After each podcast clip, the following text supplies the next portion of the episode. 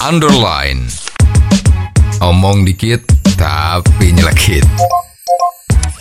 Bersama Om Bob. Temukan di channel YouTube Om Bob Indonesia. Om Bob, Partai Nasdem mengumumkan Anies Baswedan sebagai bakal calon presiden atau capres yang diusung pada Pilpres 2024 mendatang. Bagaimana Om Bob menggarisbawahi masalah ini? Ya kemarin itu kan memang ya Nasdem itu kan kelihatannya termasuk partai yang gede ya. Walaupun sebetulnya cuma 8% kurang lebih ya. Nah, tetapi karena posisinya itu bisa menjadi satu dengan koalisi-koalisi ya.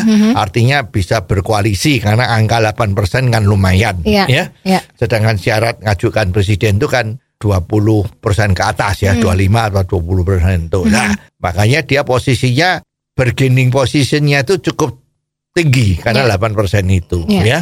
Ah, kemarin dulu itu kan Nasdem sempat mengatakan bahwa pengumuman calon presiden yang akan diangkat oleh koalisi dari Nasdem itu Hmm? akan dilakukan 10 November Hmm, berkenaan dengan peringatan Hari Pahlawan. ya. Wah bagus ya.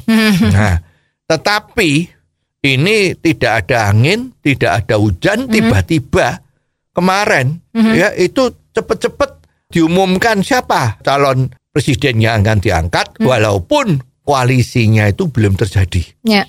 Nah ini nggak ngerti ada apa. Ya, Ya. bahkan pimpinan dari partai itu katanya ya habis sakit di Singapura. Kalau sakit di Singapura kan mestinya juga penyakitnya tuh ya tidak cuman masuk angin ya. Ya.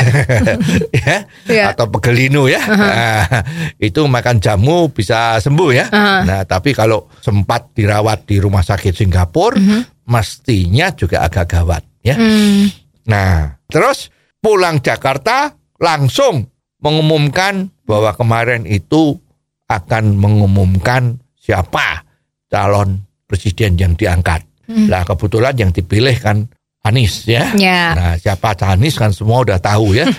nah, sekarang kenapa ini terjadi? Ini banyak analisa-analisa yang memperbincangkan ya netizen maupun tokoh-tokoh kita yang hebat-hebat pandangannya itu memikirkan bahwa belakangan ini kan Anies itu kan dipanggil sama KPK, dimintai keterangan Ya. berkenaan dengan sinyalemen atau dugaan-dugaan ada masalah dengan Formula E yang biayanya sampai triliun itu Hmm, yang kemarin diselenggarakan.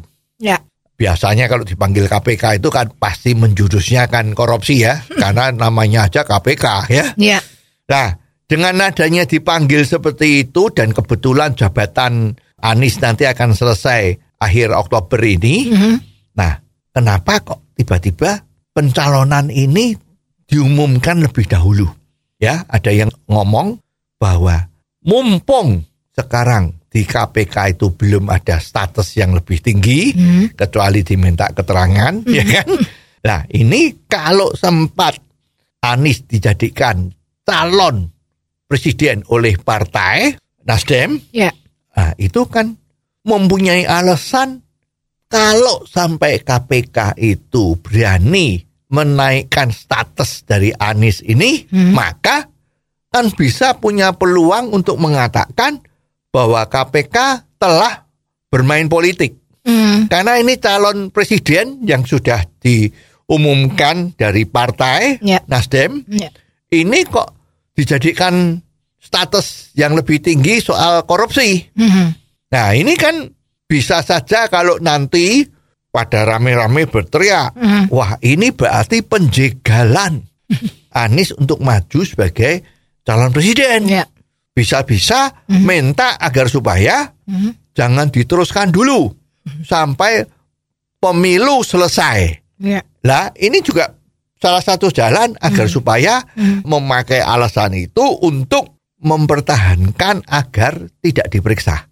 Hmm. Ini yang ngomong mereka ya. Nah terus juga ada yang lain. Kalau misalnya Anies ini sudah dicalonkan sebagai bakal presiden ya. Lah sekarang kan koalisi-koalisi yang sekarang ini belum mendapat porsinya Hmm. kan posisinya menjadi wakil presiden. Ya. Nggak bisa presiden lagi. Ya. Ya apalagi Anies diberi hak untuk menentukan wakilnya siapa. Hmm. Nah ini kan jadi suasananya kan menjadi rame ya. Ya. Seperti kalau di pasar itu ada dagang sapi ya, ini kan jadi rame ini ya. eh, jadi memang apa yang dilakukan oleh Partai Nasdem ini cukup heboh. Ya. Lah nanti hasilnya bagaimana? Hmm. Kita nanti lihat karena kemarin begitu mengumumkan Anies jadi calon presiden dari Nasdem, Ya. ada tokoh-tokoh dari Nasdem yang sempat mengatakan akan mengundurkan diri Hmm. karena tidak cocok dengan putusan yang ada sekarang ini. Oh, jadi begitu ya Om Bob. Jelas deh sekarang. Terima kasih Om Bob untuk waktunya. Sampai ketemu lagi di waktu yang akan datang. Underline. Omong dikit tapi nyelekit. Bersama Om